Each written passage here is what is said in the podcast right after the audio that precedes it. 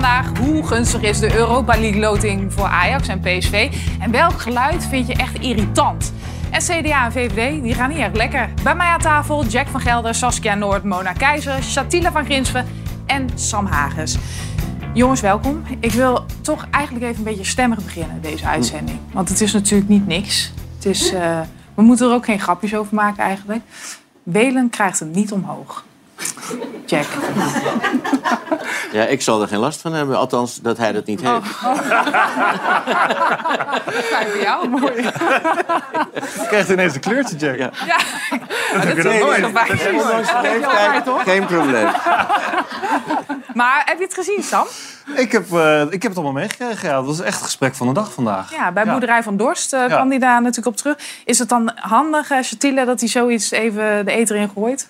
Ja, ik vind het toch wel bijzonder dat we hier dan weer over praten. Het is toch wel een mooi gesprek eh, om de dag ermee te beginnen. Maar eh, ja, ik heb er eigenlijk niet zoveel... Ik heb er geen opinie over, moet ik eerlijk zeggen. Waarom niet? Nee, ja...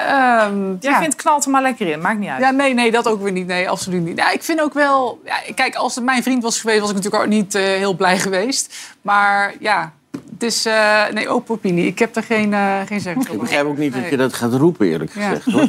Nou, om het goed te praten. Om zijn eigen, ei- eigen fouten goed te praten, toch? Hoezo, welke fout? Nou, het werkte niet. Dus zocht hij het ergens anders om te checken het werkte bij, het dan bij bij de zijn vrouw toen niet of Ja. zo. Maar het, het werkte dus Uiteindelijk toch Ja. wel. Ja. Oké. Ja. Saskia, wat vind jij? slecht.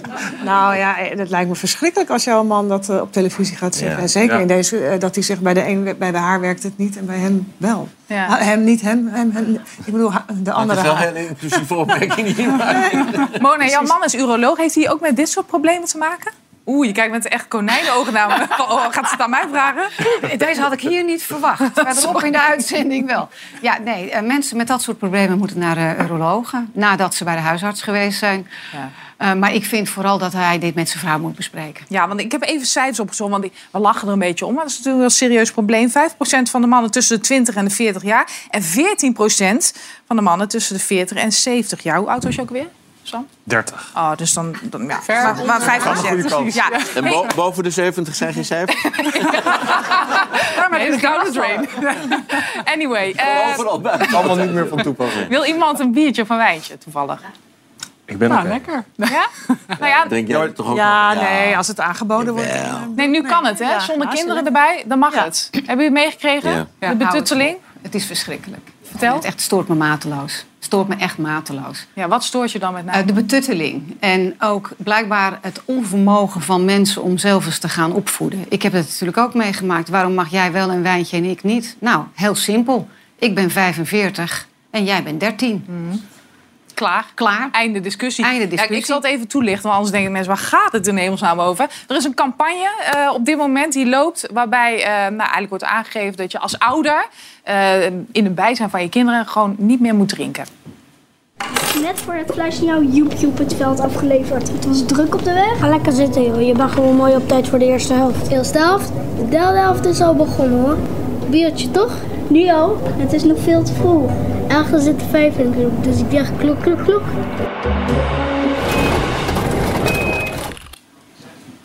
Ja, Saskia, denk je dat dit gaat werken? Nee.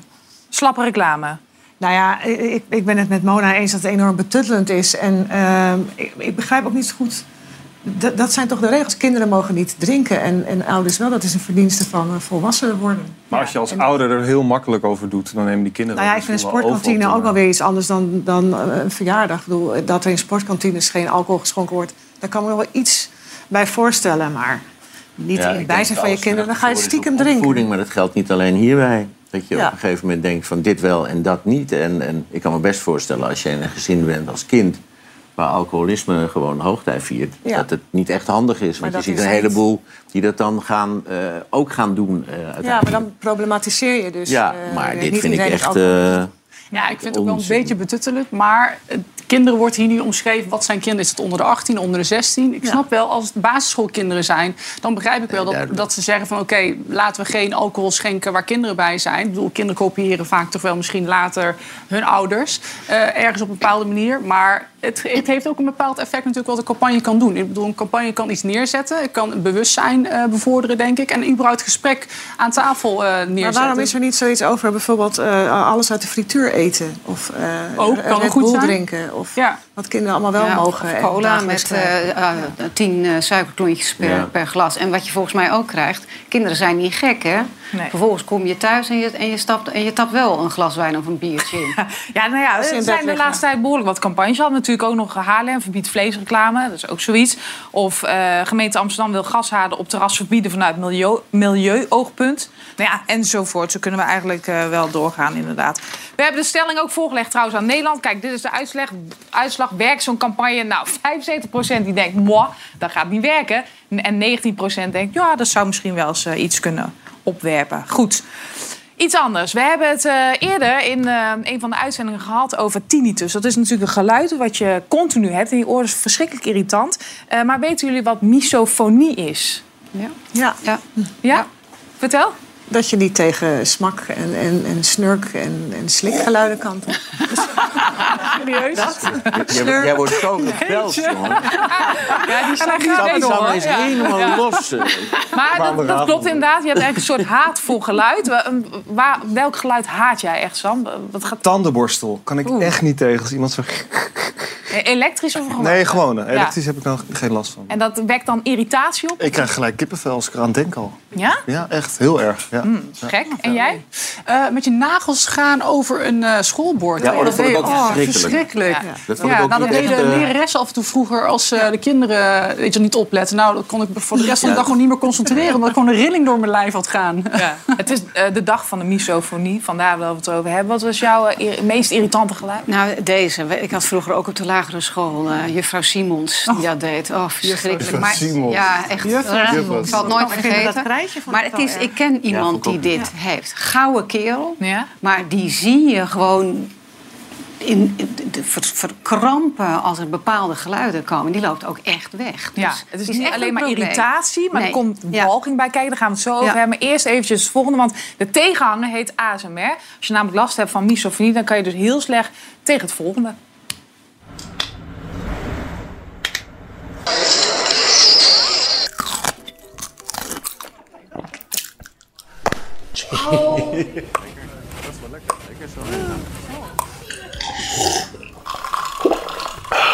Ja, wij vinden het gewoon irritant. Maar misofonie, Marten, wat is dat precies? Ja, Mona Keizer zegt het eigenlijk heel mooi. Het is echt een haat voor geluiden. Dus mensen worden er echt intens eh, ja, van binnen boos van.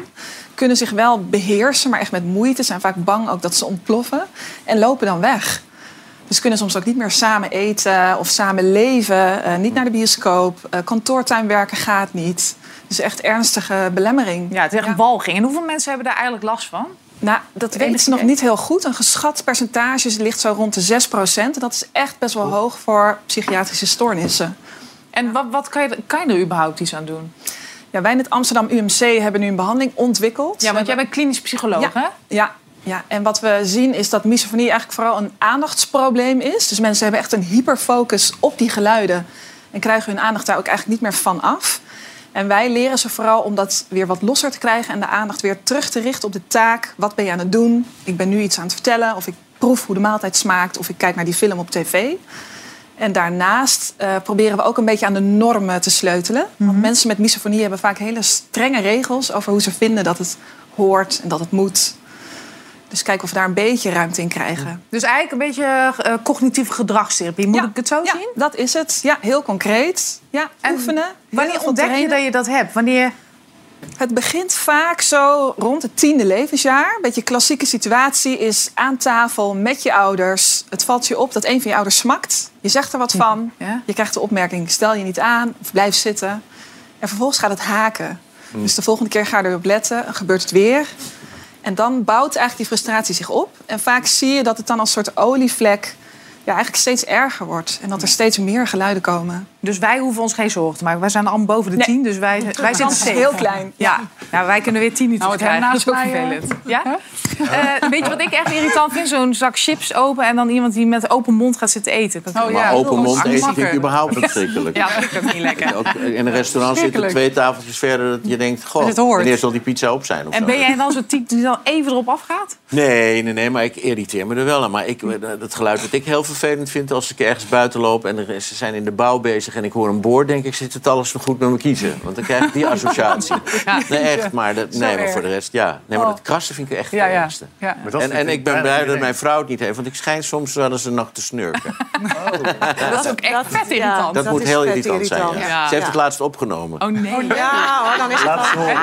Wij, ik ja, schrok me werkelijk wezenloos. Wij bellen mevrouw van Gelder even van de week. Komt goed. We hebben Ehm, een beeld. Ja, ja. Mona, krijg jij veel haatberichten? Eigenlijk? Nee, nee, maar ik weet dat het wel echt een probleem is. Ik zelf heb het niet zo extreem gehad, maar wat ik af en toe voorbij zie komen, het is bizar. Niet extreem, maar heb jij Twitter?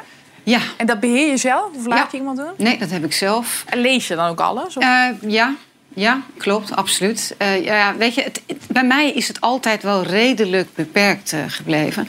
Maar daarmee wil ik niet zeggen, ehm, eh, wil ik niks afdoen aan het effect wat, de, de- nou, de complete idiotie die sommige anderen over zich heen krijgen. Ja. Echt, het is voorbij alles. Eh, Ja. Bedreigingen, eh, familie wordt erbij gehaald, eh, weet ik allemaal wat. Maar kijk maar eens, we hebben hier zo'n opsomming gedaan. Hugo de Jonge zou tussen Ja. 1940 en 45 een ras NSB'er zijn geweest. Dit omdat ze beide bepaalde ideeën delen van echte fascist. En dat gaat eigenlijk maar zo door. Kankerkaag. Het zijn allemaal anonieme mensen. Ja, en dat is het het probleem. Wordt, Ja. Worden de anoniempjes niet veel te serieus genomen dan? is? Nou ja, weet je, daarom. Ik heb vaak zo, is het echt. Ik had laatst ook iemand die, die, eh, die reageerde op een, een iets, iets wat ik gepost had. Dat eh, bepaalde eh, politici met zoutzuur overgoten moesten worden. Nou, die heb ik dus ook echt gewoon eruit gegooid. Ik, dus dan denk ik echt, jongen, je bent niet goed in je bovenkamer. Die blokkeer. Ook, ook anoniem? Eh, was dit een anonieme? Nou, weet je, dat doet er trouwens niet zo heel veel Nee, toe. Want nee, je kunt nee, er een foto vandaan halen. En, je, en, je- helemaal zo en ik zag net een Joop S. voorbij komen. Ja, weet jij het? Ja, voor degene die het ontvangt maakt het niet uit of het anoniem Nee. iemand is of Nee, wel niet dat is ook anoniem. zo. Ja.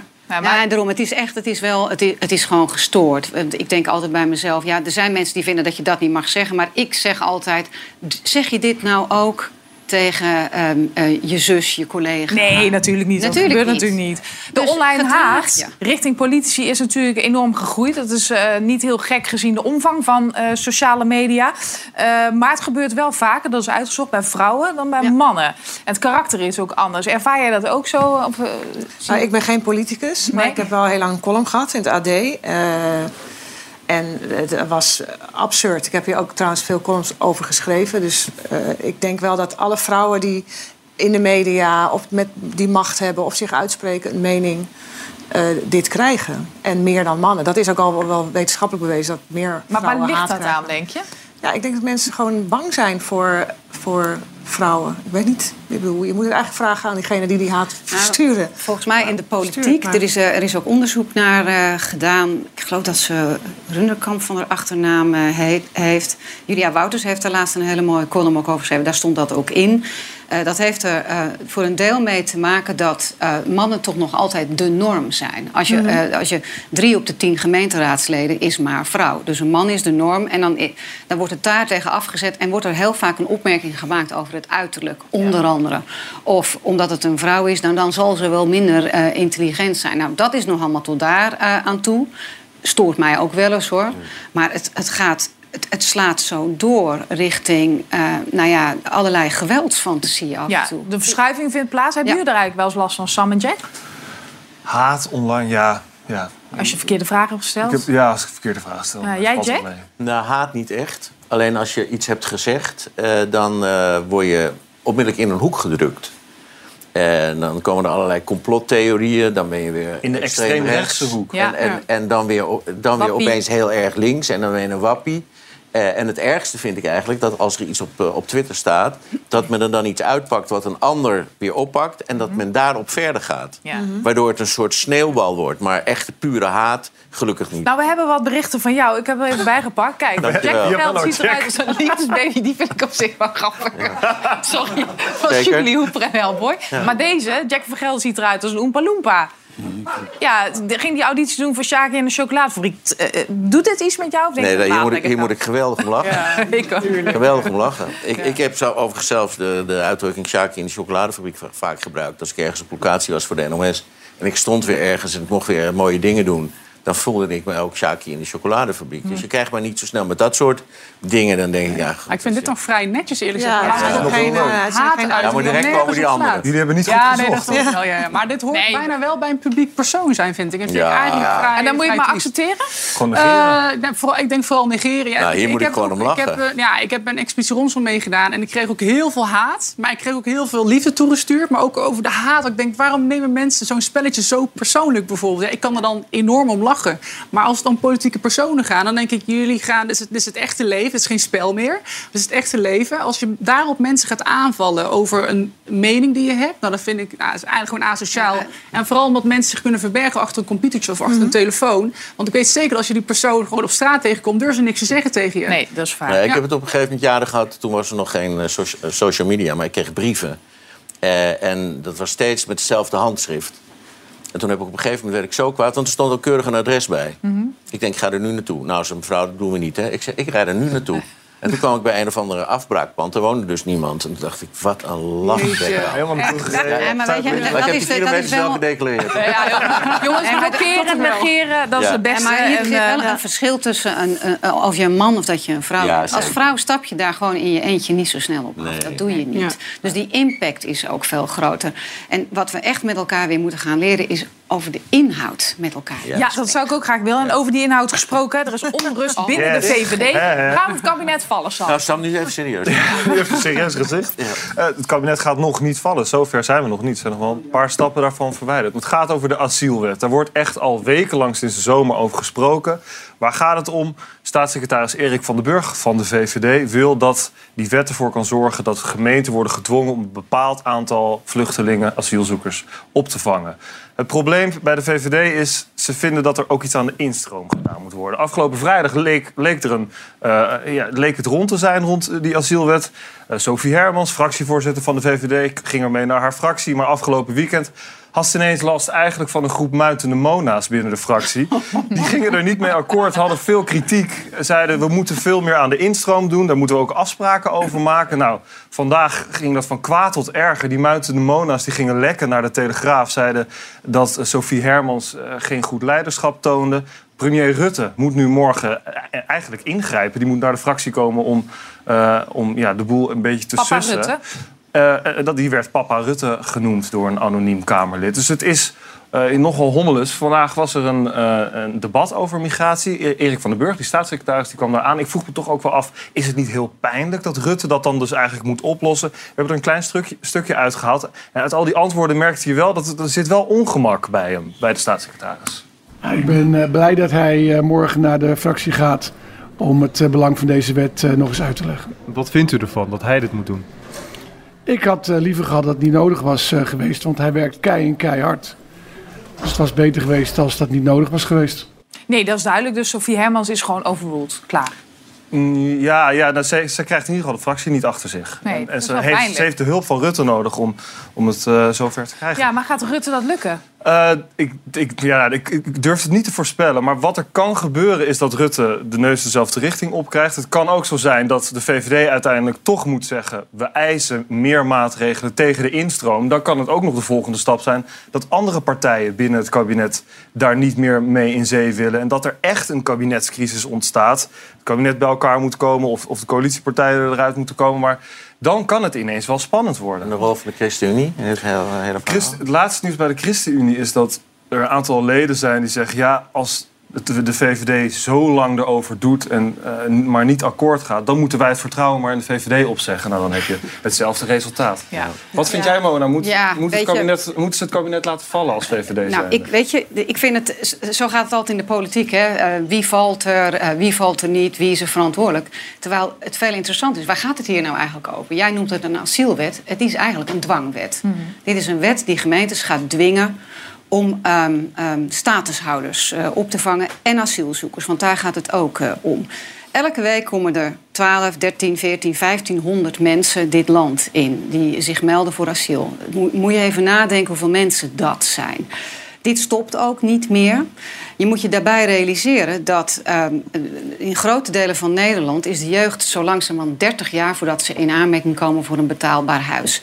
We hebben in Nederland ook gewoon heel veel dak- en thuislozen die hier gewoon al wonen die geen huis hebben. We hebben echtscheidingsrelaties die nog steeds op de zolder wonen... omdat er ook geen huis voor is.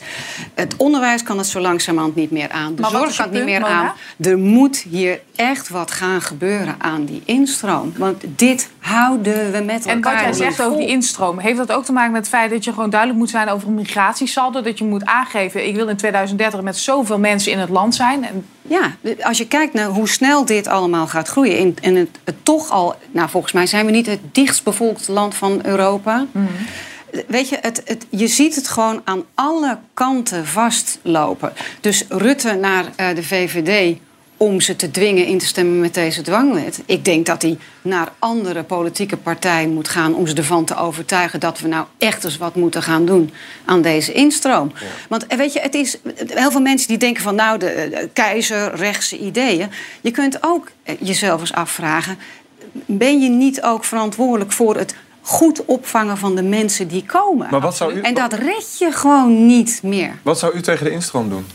Nou ja, wat er, weet je, de, de, als je kijkt naar hoe de, hele, eh, de hele regelgeving is eh, ingericht, kan je, is het een open einde regeling. Iedereen die zich hier meldt, heeft eh, recht op een, eh, uitkering, een, een kleine uitkering hoor, maar om in het levenshoud te voorzien, een, een dak boven zijn hoofd, zorg, onderwijs.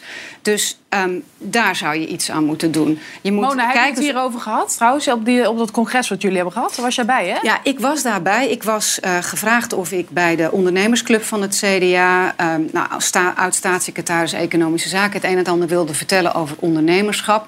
En in diezelfde zaal waar dat was, stond daarna René Peters... dat is de woordvoerder... ehm, ehm, t- te vertellen hoe hij in dit eh, dossier... Ja, hij had een heel betoog. Hij was niet de enige die heel druk was. Wie ook heel druk was, was Wopke. Die had onwijs druk dit weekend. Die had niet alleen dat CDA-congres. Hij moest daarna hupke door naar WNL op zondag. En hij kreeg daar de vraag wat hij nou concreet gaat doen... om de asielstroom te beperken. En toen sloeg hij even spijks met koppen. Wat voor aantallen kan je aan? Hoe krijg je daar nou grip op? Dat moet je allemaal bij elkaar pakken en daar moet je met elkaar meer grip op krijgen. Voor sommigen is het een taboe. Voor anderen eh, is, het een, is het een totempaal.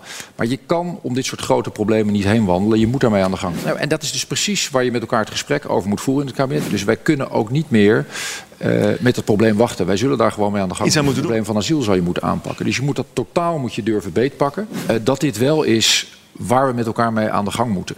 Kijk, dit zijn nog eens teksten. Synonieme.net. Het enige woord wat bij me blijft hangen is totempaal. En voor de rest helemaal niks. Ja, maar het hele interview, eh, Rick Niemand probeerde het wel. Stelde nog een paar hele concrete vragen. Er kwam geen enkel concreet... Het was alleen Maar maar, durft hij dat er moet niet? iets aan, gebeuren. Maar wat precies? Durft hij het Ik heb het niet eh, gezien. Hij heeft het Nee, maar je hebt het nu gezien. Ik en heb het nu eigenlijk gezien. alleen maar holle Ik heb het nu, nu gezien. Ja, René Peters die had het erover dat de instroom met 80% eh, terug moet. Dus ja, dat vond ik vrij Dat concreet. durfde hij niet te noemen. Ja. Maar Ja, dat zou ook de redding kunnen zijn binnen de VVD. Op het moment dat ze zeggen, we gaan als een echte loodgieter... we gaan die, die kraan gewoon eens even Ja, dichtzetten. maar die moet, die moet en, dicht. en dat moet dicht. En dan gaan we dit oplossen wat we nu toen- met, toen ik met hoorde elkaar dat- hebben Maar gecreëerd. eh, ik ben geen politicus, maar, dan, maar wat moet je met al die mensen die op de vlucht zijn doen dan? Die moet je dan de tering laten krijgen. Nee, niet de tering laten krijgen, maar net zoals ze in, eh, in Scandinavië doen. Op een gegeven moment zeggen wat we aan kunnen, kunnen we aan. En, en dit, kan, dit kan zo niet verder. We kunnen ons niet helemaal letterlijk laten...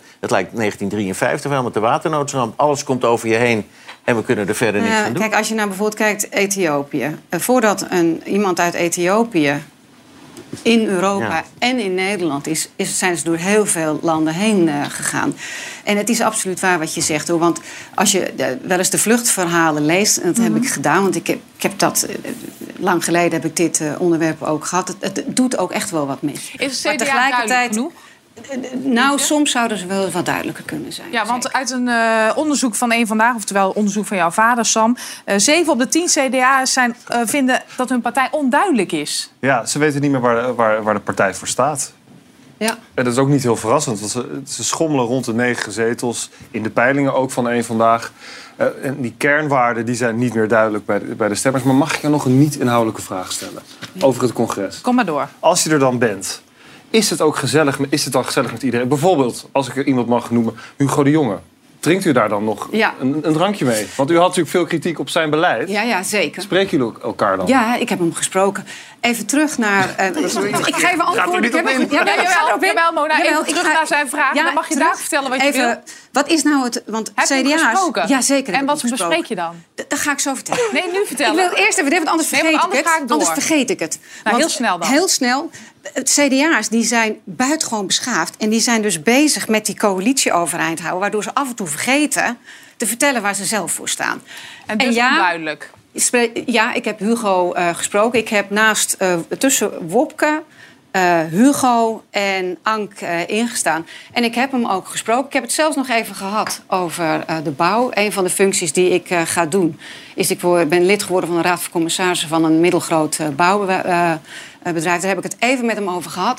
En ik Want heb jullie toen- zijn één grote familie, toch? Eh, wij zijn één grote Nou, Jullie hebben het weer helemaal goed gemaakt dus. Ehm, moet je luisteren, er is natuurlijk wel wat eh, gepasseerd. En ik had echt fundamenteel kritiek op wat hij eh, gedaan eh, heeft.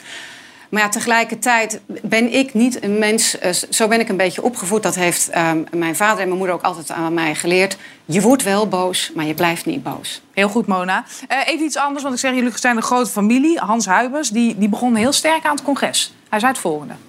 En weet één ding: wij zijn één familie. Fijn dat jullie er zijn en we blijven verbonden. Dank jullie wel. Ja, dit is een lekkere one-liner. Die heeft hij bedacht hè, van tevoren. Ah ja, het was echt een soort eh, marktkoopman zoals hij daar stond. Echt zo'n zo'n stadionspeaker. Hoe heet dat? Jack? dit is natuurlijk een het testalarm. Maar dit was vandaag ook het ballenalarm. En daarom ging Jack er ook vandoor. Jullie weten wat ballenalarm inhoudt? Ik heb het meegekregen. Nou, ik heb het van, eh, van Tom gehoord, de redacteur, maar ik, weet, het- wist het niet. Ja, het is Movember, oftewel eh, de maand van teelbalkanker. En, eh, Ook dat is toch van je snor laten staan. Ja, snor laten staan. Maar dus ook eh, deze campagne. Het gaat niet over Wenen. Ik had maar nu dit die is een check voor jezelf ter voorkoming en vroegtijdige signalering van teelbalkanker.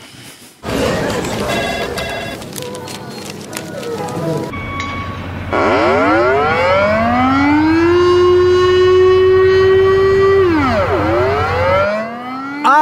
het ballenalarm.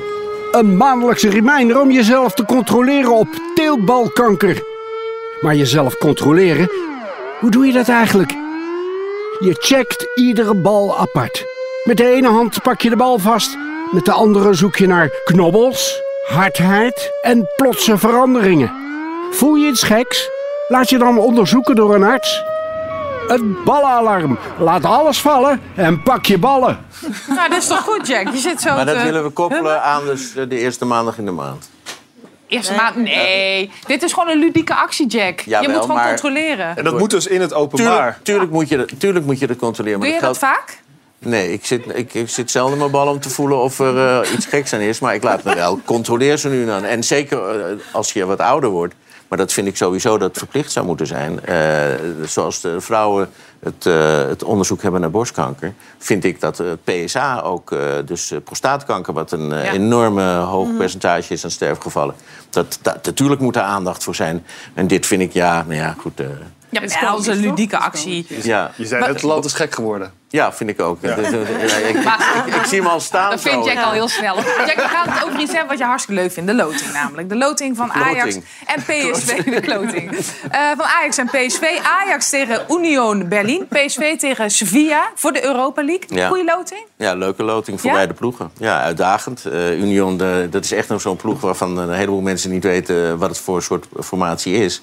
Maar die staan eh, bij de top drie in Duitsland. Dus dat is gewoon een goede ploeg. Maar het is leuk om tegen een Duitse ploeg te spelen. En, en PSV met Sevilla, dat op dit moment niet zo geweldig draait... maar Sevilla eh, in Europa altijd wel. Dus het zijn twee hele uitdagende, leuke lotingen. Maar ik zag een hele mooie foto waarin eh, je een Feyenoord-supporter... heel rustig op een duin ziet liggen. En die ziet daar beneden de mensen stoeien van Ajax en PSV. Want Feyenoord is gewoon door naar maart en heeft deze tussenronde niet. Nee. Maar het is, het is gewoon leuk en eh, uitdagend. En eh, ik denk dat het voor twee ploegen interessant wordt. En eh, ik neem aan dat Ajax tegen die tijd de boel weer op de rails heeft. Nou, vond je Ajax-PSV eh, ook leuk gisteren? Of, eh, Nou ja, ik vond het wel boeiend. Maar ik vond, eh, ik vond dat PSV eh, het gewoon heel goed deed. En, en, en eh, op het randje van provocatie heel goed deed. En, en zich niet, eh, zeg maar, wat wel eens werd verweten als provincialen... zich laten wegpoetsen. In, uh, overigens winnen ze heel vaak in de arena. Zeker eh, in de tijd ook van Van Nistelrooy. Ja, maar de laatste uh, Ja, competitiewedstrijden Ja, niet. nee, nee, nee, dat weet ik. Maar eh, no- ik vond het wel mooi hoe ze zich daar eh, opstelden. Zo van, en wat moet je nou? En als er een opstootje was, met elkaar erop af. En ik praat het niet goed. En ik vond het na afloop vond ik het ook onsmakelijk. Jij hebt gebasketbald, eh, vertel je wel eens, bijna iedere uitzending.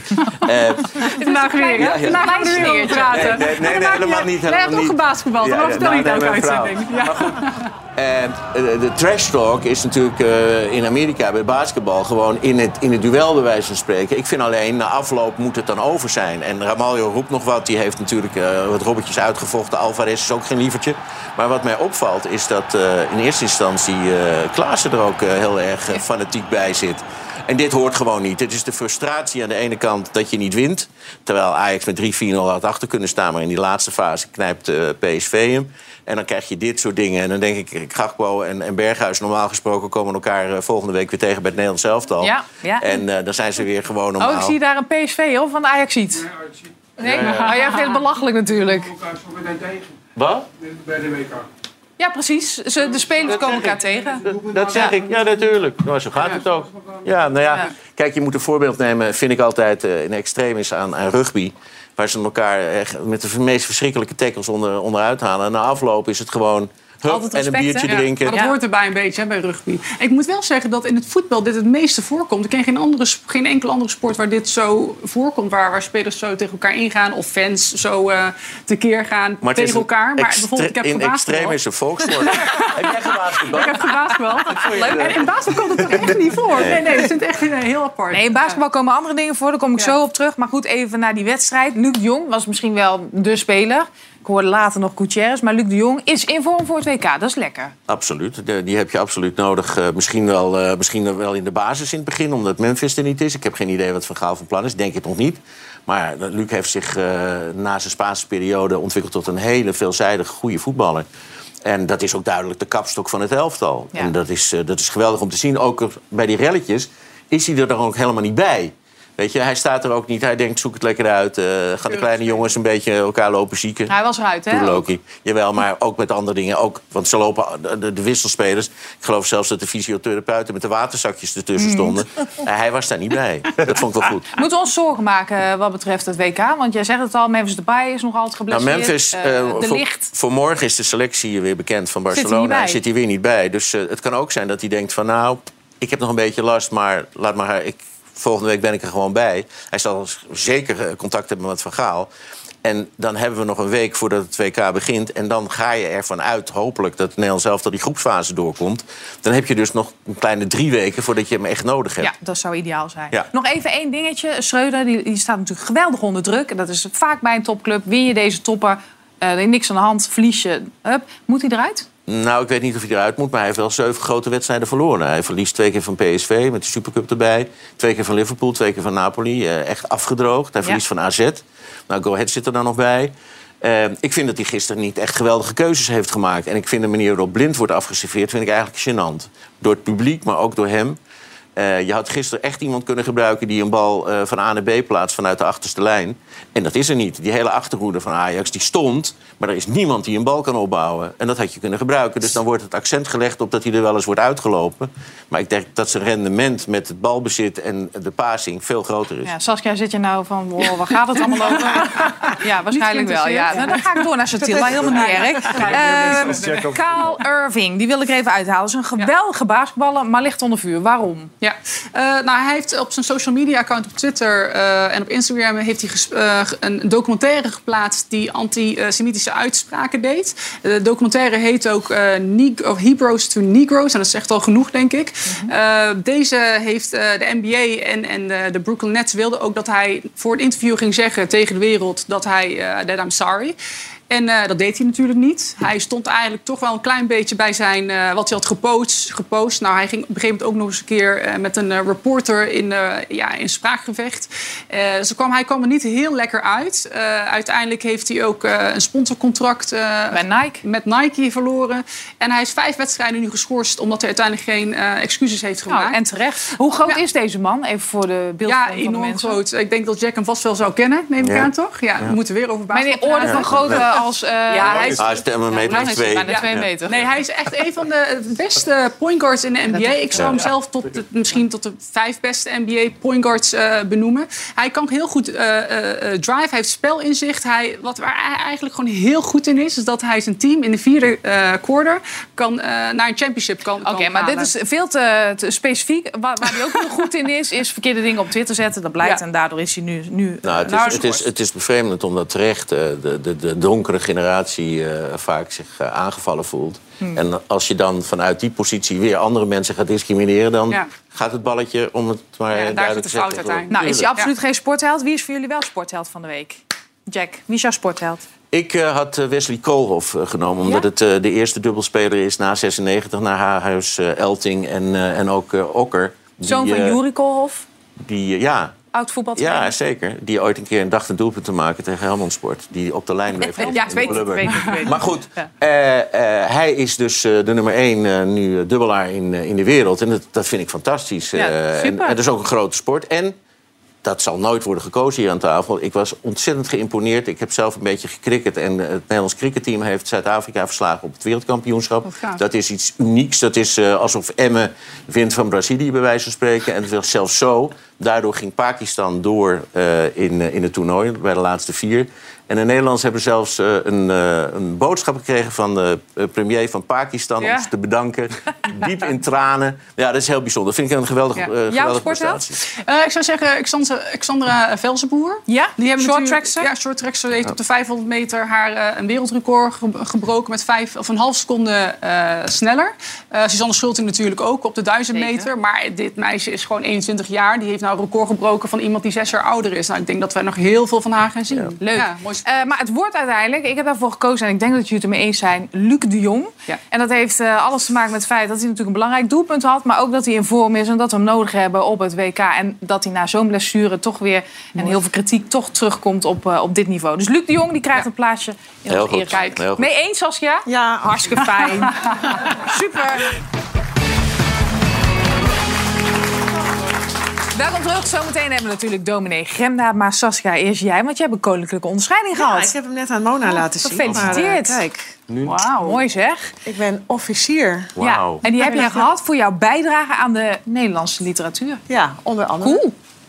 Wat dacht je toen je hem Eh, kreeg? nou, ik was zo overrompeld. Eh, ja, je denkt niet zoveel op zo'n moment. Ik had ook helemaal niet door dat toen Femke binnenkwam... dat dat allemaal voor mij bedoeld Halsema? was. Ja. Oh, Halsema, sorry. En nu is het een eh, beetje het- ingedaald. En wat denk je nu?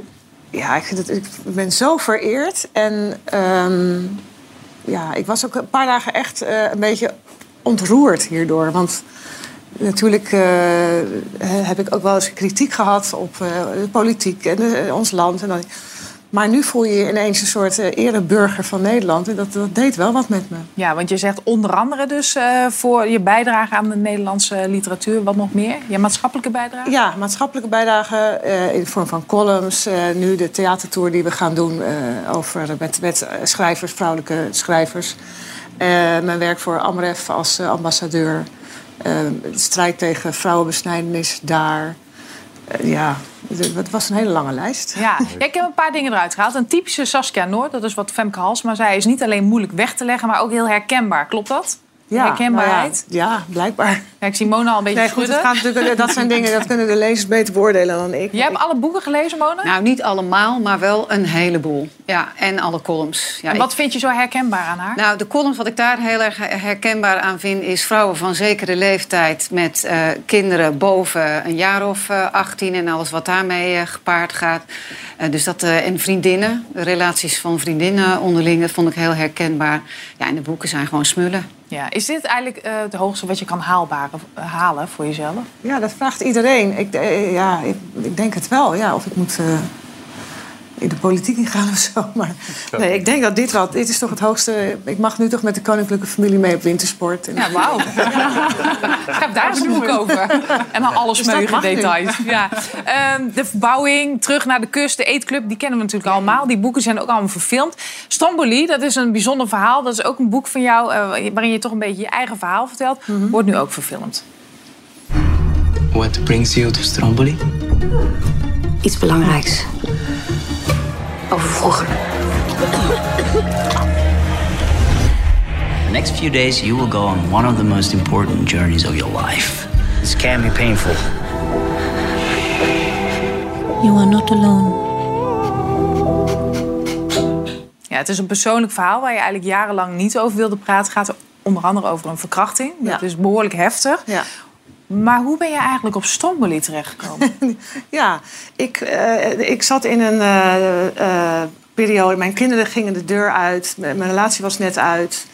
Ik, ik, had, ik was ziek geweest een, een tijd lang. En toen zei iemand tegen mij: ja, je moet gewoon een keer op een retraite gaan. En toen ging ik s'avonds met een glaasje wijn, want mijn kinderen waren de deur uit. ging ik googelen. En eh, kwam ik eh, bij eh, de Fuck It Retreat uit.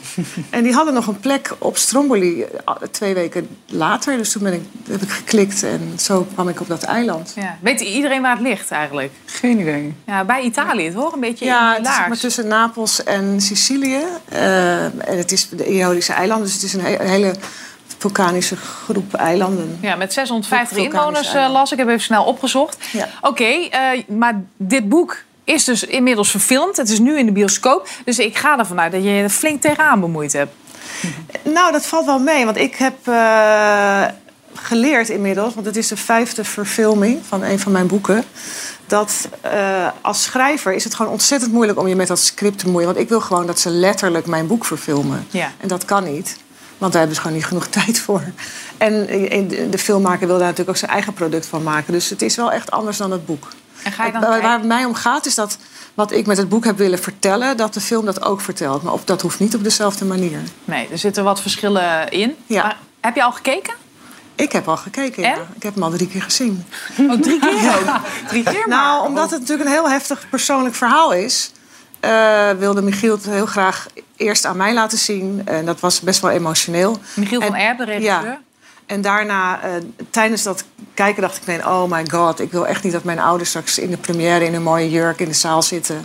En dan dit zien. Dus ik, ik heb het ook nog een keer met mijn ouders bekeken.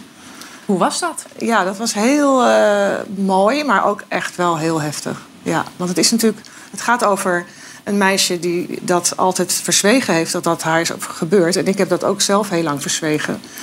Eh, dus het, het is natuurlijk een... En wat ik wil vertellen ook met de film en met mijn boek... is dat eh, seksueel geweld raakt niet alleen het slachtoffer... maar eigenlijk ook alle mensen die daar later mee te maken krijgen. Want je hebt, je hebt een trauma, als je, er is een geheim. Het is zo diepgravend... eh, eh, dat, dat ebt zo ver na. Was het ook een helingsproces? Sorry. Ja, sorry, ik, ik wil vragen of het een opluchting was. Eigenlijk Ja, hetzelfde. nou, ja. Dat met mijn ouders kijken of... of Nee, nee, gewoon dit, dit project, dat het nu afgerond is, dat het nu op, op, op. Ja. Nou ja, oplichting. En ook wel wat, wat ik heel... eh, ja, het, het raakt me heel diep. Maar ik krijg zoveel brieven en reacties nu ook van mensen die naar de film kijken. En naar aanleiding van het boek. Dat je ziet... Dat, ik hoop dat mensen er makkelijker over gaan praten. Ja. Dat is eigenlijk het doel van Dat zou de waarom het ik mooiste erover ben gaan praten. Ja. Ja. Waarom heb je mij eigenlijk niet opgespeld? Eh, Volgens mij mag dat helemaal niet. Je mag niet zomaar met je... Oh met nee, knikmodel. Ah, gewoon uit- Ja. het, moet op een jasje, bij, bij de mannen moet het op een jasje Ja. zitten. Ja, je krijgt er een heel, een heel boek bij. Ja. Wanneer je het eh, wel Ja. en niet eh, op. Maar ik zie ook een heleboel mensen daar, eh, Koningsdag die, die, die, er gewoon bijna altijd mee lopen op kostuum. Die ken, die ken- die ken ik dan weer niet. Ja, ik wel. Jij hebt er ook een waarschijnlijk. Ik heb er ook De een. hele- hele- maar Hij zit niet, maar- hij heeft hem niet Nee, maar ik, heb hem, ik, ik, ik was ook zeer vereerd, maar ik heb hem ook mooi in een doos zitten. Ja. En ik, ik doe het eigenlijk nooit. Nee, die, komt denk ik eh, binnenkort. Morgen. Nee, nee waarschijnlijk zal ik hem... Maar ik woon in Breda. Anyway, ik zal hem nooit krijgen waarschijnlijk. Ehm, ik wil even toe... Dankjewel voor jouw verhaal, Saskia. Ja, mooi. ik wil even toe naar het WK. Eh, want volgens mij nog 13 dagen, als ik het goed zeg, dan gaat het beginnen. Het moet nog een beetje komen, die sfeer en het, eh, het inleven daarin. Maar ik wil graag van jou weten, Chatilla, wat jouw mooiste WK-moment is. Nou, een moment wat voor mij altijd bij is gebleven... is het moment wanneer Ronaldinho op het WK van 2002... die vrije trap maakte, dat doelpunt. was echt geniaal. Maar wat me eigenlijk van deze man... hier zie je het nog, fantastisch. Kijk, van zo'n afstand. Echt, ja... Beeldig toch, in de sportwereld. Maar wat me van deze man altijd echt bij is gebleven... is dat hij gewoon een kunstenaar was op het veld. En ik zeg altijd eigenlijk... eh, door Messi zijn mensen gaan houden van Barcelona... maar door Ronaldinho zijn mensen gaan houden van de sport. En dat is, was van mijn jeugd ook echt zo. Ik zag zijn, zijn kunst op het veld en hoe hij met de bal... en die snelheid omging en de no-look passes die hij maakte. Dat betekent dat, dat je de bal trapt de ene kant op... en eigenlijk de andere kant tegelijkertijd eh, op kijkt. Nou, dat was fantastisch. En die, die kunst probeerde ik zelf mee te nemen toen de tijd naar, naar mijn basketbalcarrière. Heb jij gebasketbal? Ja, dat, daar gaan we het net over hebben. Ja. Ik moest het even benoemen. Ja, kijk even Ja, ja. Helemaal goed. Ja, maar echt, echt een kunstenaar. En eh, ja, ik vind het eigenlijk nog steeds jammer dat hij niet meer speelt. Want zelfs op deze leeftijd zou ik nog steeds graag naar hem kijken. Ja, ja, ja, de voetbal-encyclopedie zit tegenover je. Kan je- Beaam jij wat ze zegt? Of Ja, vind je dat zeker, maar ik heb een wel mooi verhaal. Het Nederlands elftal ging ooit een keer een oefenstage? Ja, in Brazilië en Uruguay eh, afwerken. En toen eh, gingen twee vriendjes van me mee, René Vroog en Henk ten Katen. Hm. En toen zijn we naar een training gegaan naar Ronaldinho, want Henk ten Katen had met hem gewerkt. En dat was een leuke, een leuke gozer. En die stond op een gegeven moment stond hij te trainen en toen riep hij op een gegeven moment ten Katen... Godverdomme was het enige woord dat uit het Nederlands kende. was een fabelachtige voetballer. Hij was volledig, als we het dan toch even, even in de context van Welen, totaal oversext. Ja, Hij, ja, hij, moest constant of op trommeltjes slaan of op dames. En, eh, maar hij, hij voetbalde, hij leverde eh, ook op het veld. Het was een fantastische voetballer. Ja, zeker weten. Is bij jou de sfeer al een beetje gekomen voor het WK? Nog niet echt. Het begint nu langzaam te komen. Het is natuurlijk volstrekt idioot om in de winter een toernooi te houden. Want normaal dacht je oranje, lekker buiten, gezellig. Barbecue'tje aan. Eh, ik, ik mag het Huis van Oranje presenteren. E- Ja. Eerste avond in Avas en dan twee keer in de Amsterdam Arena. En verder dan eventueel ook nog de wedstrijden van het Nederlands elftal. Met een hele bulk artiesten. Grote schermen. Eh, eh, grote tafels, gezelligheid. En uitverkocht, hè, Jack? Of Nou, zijn het is, het is nog niet uitverkocht, maar, eh, maar voor, voor- voorlopig, ik geloof dat ze nu zaten op 25, 30.000 Nou, zeg even heel snel waar we die kaarten kunnen krijgen. Kijk maar gewoon op huisvanoranje.nl. En misschien ga ik ook nog wel tijdens zo'n wedstrijd Oh, nee. voor de gein... Zingen? Stukje- Zingen? nee, een stukje verslag. Oh, dat is. Nou, dan, dan komen we allemaal. Als je maar niet gaat zingen, Jack. Ehm, we gaan eh, de. Sorry. we gaan de uitzending afsluiten. En dat Nee, doen we zoals altijd. Ja, precies. Dominic Gemda, red mij. Alsjeblieft. Ja. Nou, waar ik mezelf op verheug, niet op het WK, maar Sinterklaas komt eraan. Sinterklaas komt eraan, kent u die uitdrukking? Sinterklaas komt eraan. Aanstaande zaterdag zal hij met zijn stoomboot aanmeren in Hellevoetsluis. En vanavond al is het eerste Sinterklaasjournaal eh, geweest. Sinterklaas komt eraan. En dat betekent vreugde, spanning en vol verwachting klopt ons hart. Wie de koek krijgt en wie de gart. En we hopen, dames en heren, kijkers allemaal... dat wij, u en ik, de koek krijgen en de pestkoppen de gart. De idealisten, de mensen die bijvoorbeeld de klimaatverandering serieus nemen, de koek. En de mensen die uit zijn op chaos, op het kapotmaken van de wereld, de gart. De democraten in Amerika, de koek. En de misdadige Donald Trump, de gart. De bovenwereld de koek en de onderwereld de gart. Je hoopt dat het goed beloond gaat worden en het kwaad gestraft. En tegelijkertijd weten we dat het kwaad wereldwijd sterk aan het groeien is. In Nederland, in Amerika, in Rusland en ook in Qatar. Wat zou het fijn zijn als Sinterklaas wereldwijd de macht zou krijgen en overal vrede zou brengen. En natuurlijk ook cadeaus zou geven aan kinderen en kinderlijke volwassenen die goed bezig zijn. En dat de ambtenaren van Sinterklaas, de Pieten, met veel passie de gart hanteren bij de mensen die wereldwijd uit zijn op chaos en vernietiging van de aarde. Sinterklaas komt eraan en laten we weer eens in hem geloven. En genieten van zijn vrijgevigheid en zijn hunkering naar vrede. Sinterklaas komt eraan. En Bert zal tegen Ernie zeggen... Ernie, Sinterklaas komt eraan. Ik wens u een fijne voortzetting en een aangenaam etensmaal. Dominee Renda. Ik wil allemaal gasten bedanken. Morgen dan ben ik weer. Jan Slachter en Merel Eck zijn dan te gast. Ja, zo'n zo'n zo'n ding waar je mee slaat, hoor. Is dat de gart? Ja, denk ik. Ja, We een, are roe, going een roe on a is dat. Summer holiday. Bedankt voor het kijken. Dag.